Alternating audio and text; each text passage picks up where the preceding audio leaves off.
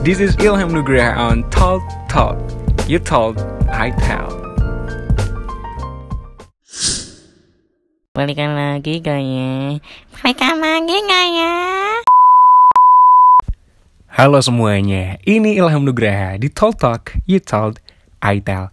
Pertanyaan di awal podcast mungkin bikin lo mengulang kembali throwback masa lalu lo ketika lo balikan sama mantan. Atau lo sedang mengalaminya sekarang dan juga siapa tahu lo bakal mengalami itu di masa yang akan datang. Biasanya kalau ngomongin soal balikan sama mantan ini ada tiga kubu yang bakal berseteru. Yang pertama adalah kubu yang menolak secara terang-terangan balikan sama mantan dan punya prinsip itu. Yang kedua adalah orang yang netral banget. Ya jadi lo mau balikan atau enggak ya terserah lo. Atau orang yang setuju nih kayak ya udah gak sih nggak apa-apa balikan sama mantan. Dan ketiga ini ketiga uh, kubu ini bakal gue rangkum dalam satu cerita dari temen gue yang tragis banget soal balikan sama mantan. Ini tragis banget. Dan gue bakal bawa cerita ini di podcast volume kedua. Kalau misalkan balikan itu gimana sih sama mantan? Apakah boleh? Enggak. Atau bahkan hmm, enggak banget kalau balikan sama mantan tapi menurut gue, kalau misalkan lo balikan sama mantan di saat kondisinya itu baik-baik aja, putusnya baik-baik aja, dewasa sih nggak apa-apa. Tapi kalau misalkan putusnya ini gara-gara hubungan lo udah toxic atau juga uh, lo putusnya tuh nggak baik-baik banget, misalkan ketahuan selingkuh dan segala macamnya, kayaknya gak banget deh buat balikan. Wow, menarik banget topik kita nanti kita bicarakan. Tapi kalau sekarang, gue pengen ngasih tahu ke lo kalau misalkan podcast yang volume kedua ini disponsorin dan juga didukung penuh sama Jera.id. Thank you banget. Jadi Jera ini adalah salah satu all shop kacamata yang terkenal banget di kota Bandung.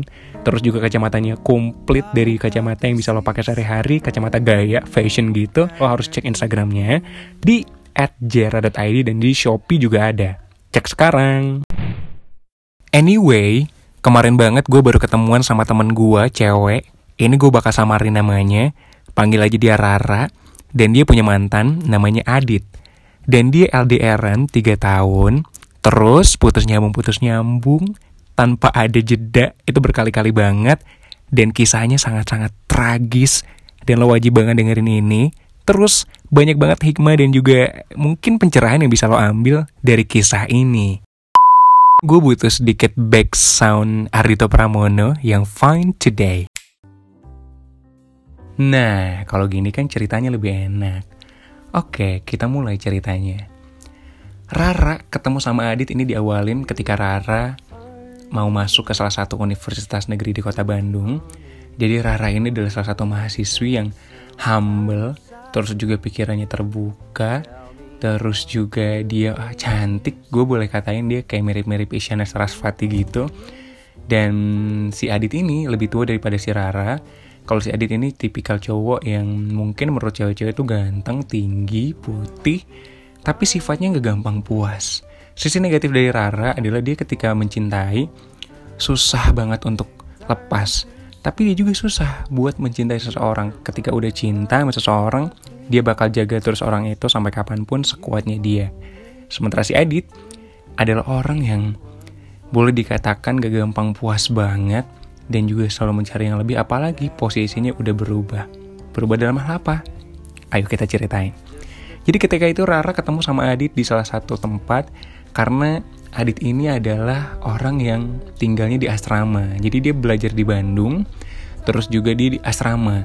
Sementara asramanya Adit ini deket banget sama asramanya, uh, sorry, rumahnya Rara, deket banget sama asramanya Adit. Jadi sering banget mereka ketemuan ketika lagi ada di Bandung. Karena mungkin sering ketemu, karena asramanya deket sama rumahnya si Rara, Adit ini mulai berani buat ngedeketin Rara. Dari mulai minta itu di Instagram, terus juga nanyain namanya dan segala macamnya. Dan long short story, Adit ngedeketin Rara ini selama 9 bulan, bayangin. 3 bulan lagi satu tahun. Dan Rara ini adalah sifatnya susah banget buat mencintai seseorang, tapi ketika dia udah cinta, dia bakal pertahanin itu. Sementara Adit, ini orangnya gak mau nyerah banget ketika deketin cewek. Apalagi mungkin dia first love banget atau enggak falling in love pada pandangan pertama sama Rara. Cie, udah gitu. Adit ini deketinnya luar biasa banget banyak banget perjuangan yang dia udah korbanin sampai akhirnya dia nembak ke Rara tapi Rara nolak itu pertama kali karena mungkin Rara butuh proses lebih dalam lagi padahal udah 9 bulan. Wow. Udah gitu akhirnya Adit terus berjuang buat dapetin Rara. Dan sampai akhirnya Rara luluh sama perjuangan Adit dan jadian ketika itu. Satu bulan ketika jadian, ini Adit ngasih tahu ke Rara kalau misalkan Adit akan pergi ke luar negeri untuk ngajar salah satu cabang olahraga gitu. Di mana Adit ini belum mempersiapkan semuanya dari mulai CV, paspor, visa, terus juga uh, keimigrasian yang lain, surat-surat dan segala macamnya. Ini Adit belum nyiapin. Sementara Adit tinggal di Bandung di asrama dan dia nggak ada yang bantuin. Sampai akhirnya sebagai pacar yang baik itu Rara ngebantuin Adit banget dari nol. Dari nyiapin CV, les bahasa Inggris, dan semuanya disiapin. Ibaratnya satu bulan pacaran itu pertama kali ketika baru jadian tuh bener-bener hidup Rara tuh buat Adit. Bayangin, sampai dianterin ke sana ke sini, motor-motoran bareng, panas-panasan bareng, dan hujan-hujanan bareng. Dan ini jadi satu hal yang membuat Rara seneng sebenarnya ketika itu karena dia menemani cowoknya untuk cowoknya pengen sukses gitu. Ketika data-data yang udah Adit siapin dan Rara bantuin udah siap, udah komplit, akhirnya Adit apply ke Kanada dan long short story Adit kepilih buat pergi ke Kanada buat ngajar salah satu cabang olahraga. Di sini kondisi Rara tuh seneng banget dicampur sedih banget seneng bangetnya gara-gara dia bangga punya pacar yang bisa pergi ke luar negeri ke Kanada buat ngajar terus juga bisa menghasilkan duit dari situ dan jadi cowok yang mapan suatu saat.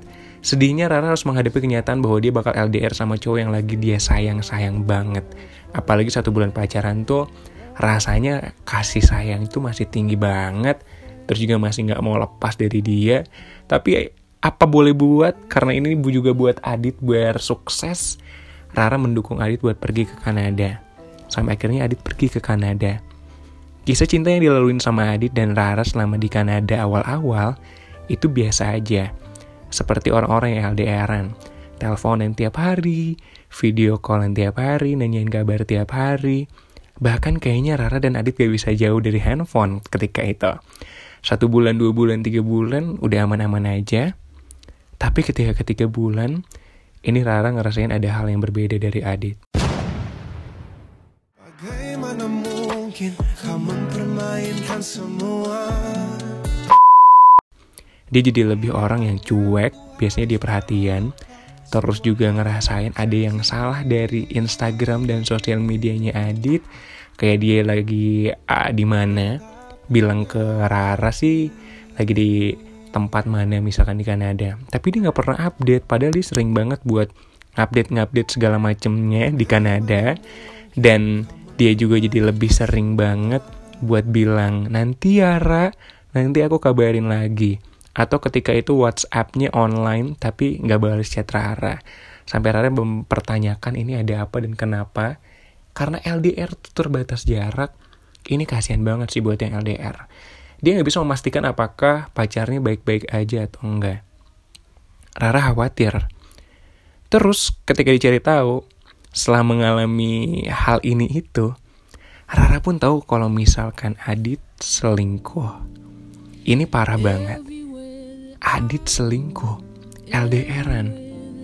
Dan ini bikin Rara sedih banget, terpukul banget, sampai akhirnya Rara tahu ceritanya dari Aditnya langsung kalau dia jujur dia lagi deket sama cewek lain Rara sedih banget dan akhirnya putus.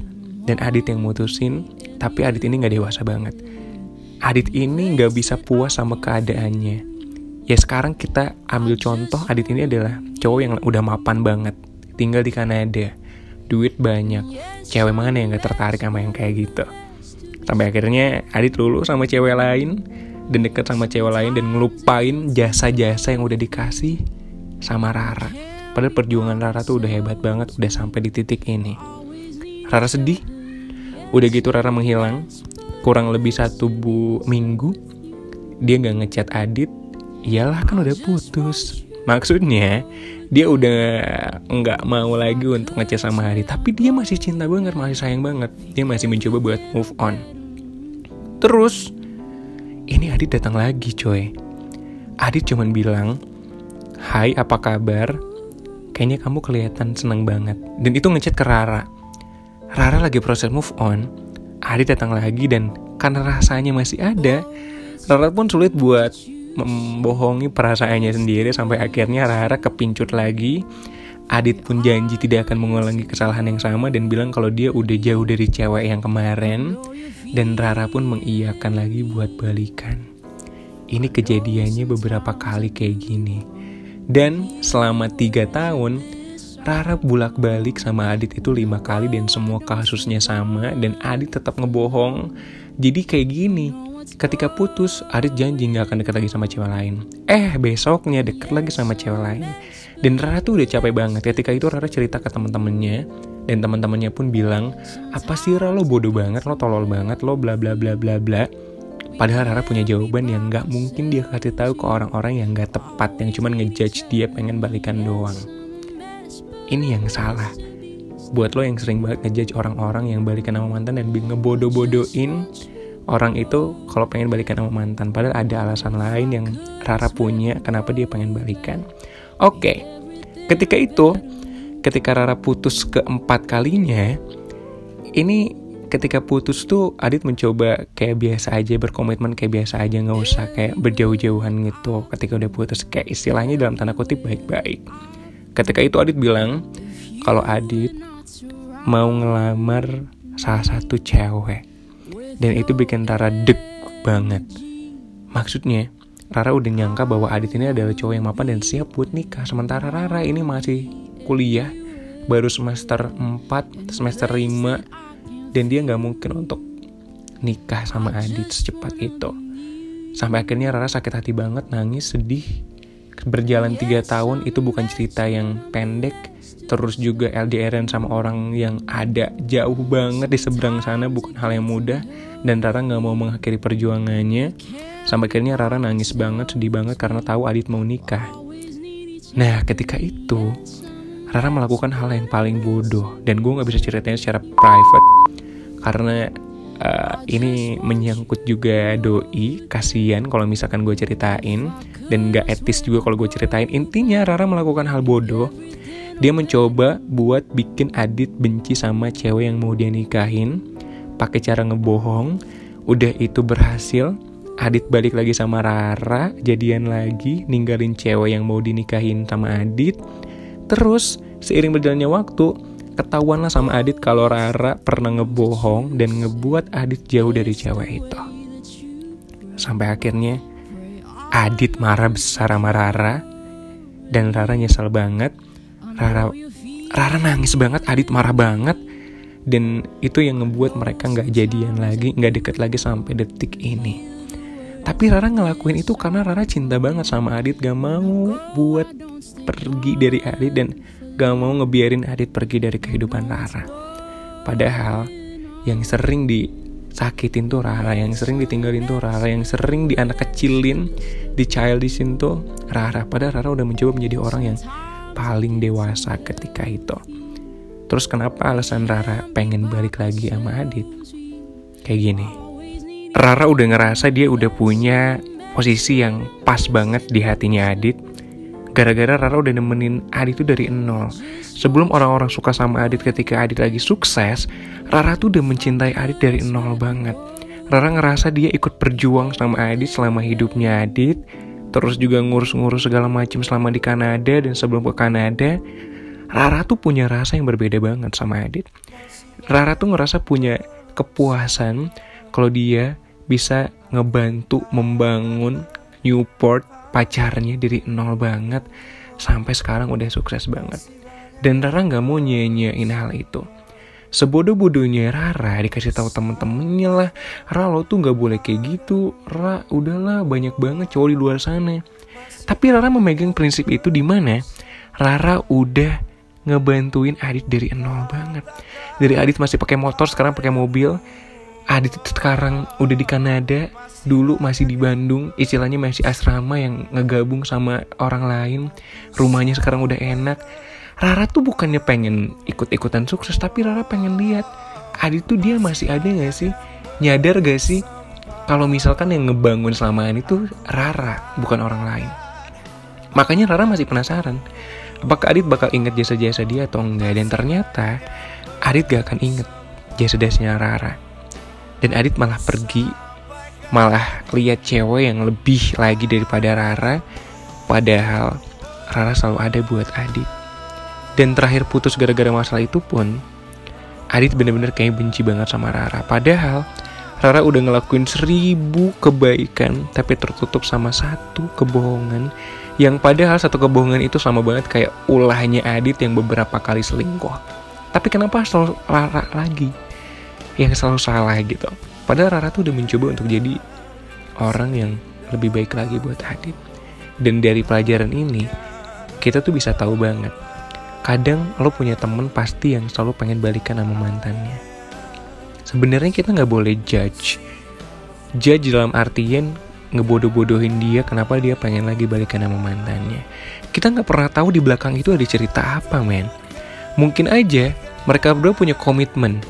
Mungkin aja mereka berdua rasa cintanya lebih dalam banget dan juga si ceweknya ngerasa ada tanggung jawab ataupun bahkan cowoknya ngerasa ada tanggung jawab. Jadi kalau misalkan lo lihat orang yang stuck banget, stuck ke mantannya, lo jangan nyalahin dia karena dia punya alasan yang kuat kenapa dia bisa kayak gitu. Bisa aja orang yang stuck itu punya mimpi yang pengen diwujudin bareng-bareng dan itu tuh berjuang, itu tuh proses berjuang. Jangan sampai lo anggap itu tuh proses yang bodoh. Ketika orang berjuang untuk balik ke mantannya, itu adalah proses berjuang di mana pengen lagi balikin janji-janji atau komitmen-komitmen yang dulu yang pengen banget dilakuin bersama. Itu dengan catatan hubungan lo adalah hubungan yang misalkan punya komitmen yang dalam banget di dalam lubuk hati lo. Misalkan lo awal jadian, lo udah dititipin sama mamahnya. Misalkan nih lo cowok terus pertama jadian lo udah dititipin nih sama cewek mamahnya gitu. Kayak uh, misalkan gue nih kayak ham uh, kamu jadian sama anak saya tolong jagain anak saya ya bla bla bla bla bla. Terus misalkan ibunya dia itu meninggal misalkan terus dia udah nitipin ke gue gitu dan gue udah punya rasa tanggung jawab yang berlebih untuk ngejagain dia. Dan akhirnya ketika putus pun gue akan mencoba lagi untuk balik lagi ke dia karena gue punya tanggung jawab itu gitu. Tapi si rasa tanggung jawab itu rasa komitmen itu boleh lo perjuangin tapi lo harus tahu kapan lo harus berhenti berjuang. Kayak Rara nih dia tuh sebenarnya nggak tahu cara dia stop berjuang. Lo harus tahu kapan lo harus diem kapan lo harus nggak ngejar-ngejar mantan lo meskipun lo cinta banget sama dia gitu jadi dalam pandangan gue lo balikan sama mantan itu tuh pasti ada alasannya dan gue nggak bisa ngelarang itu. Sebenarnya gue ada di jalur netral sebenarnya. Tapi gue punya punya analogi kayak kalau lo balikan sama mantan makin bikin perih elu makin bikin elunya nggak sehat secara mental ngapain lo harus balikan dan lo pun harus bisa ngelihat dari sisi berbagai macam gitu loh kalau lo pengen balikan sama mantan gak cuma satu sisi doang karena lo cinta lo sayang dan lo punya tanggung jawab gak bisa gitu doang. Tapi lo harus punya sisi yang lain. Apakah sehat ketika lo balikan sama dia? Gue ngambil contoh kisah Rara yang tadi. Even dia balikan sama si Adit ini si Adit pasti bakal cari cewek yang lebih lagi. Apalagi kalau udah menikah nih itu tuh lebih bahaya banget.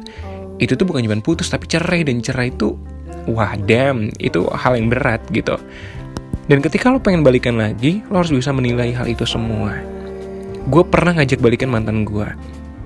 Gue gue DM, gue minta balikan, gue minta maaf semua yang pernah gue lakuin.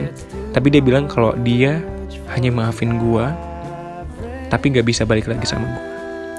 Dan gue tuh langsung langsung diem gitu loh. Maksudnya kalau misalkan dia punya hal yang pengen dibangkitkan lagi, pasti dia nggak akan bilang kayak gitu. Pasti dia bakal ngasih gue kesempatan.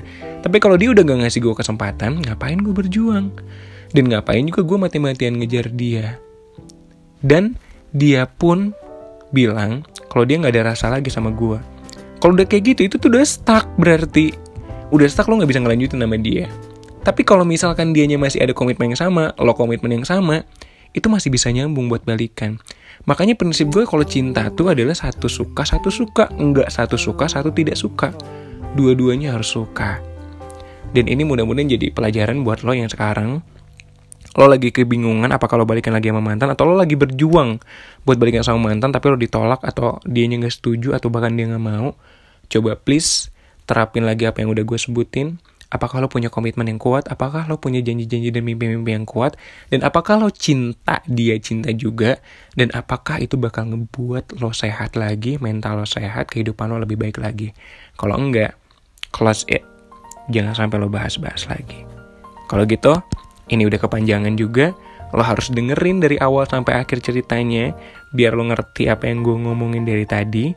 Dan podcast volume 2 ini jadi podcast cerita pertama gue. Kalau lo juga pengen ada cerita yang pengen lo kasih ke gue, tinggal DM aja gue, atau lo boleh kontak-kontak gue, biar gue bisa tampung ceritanya.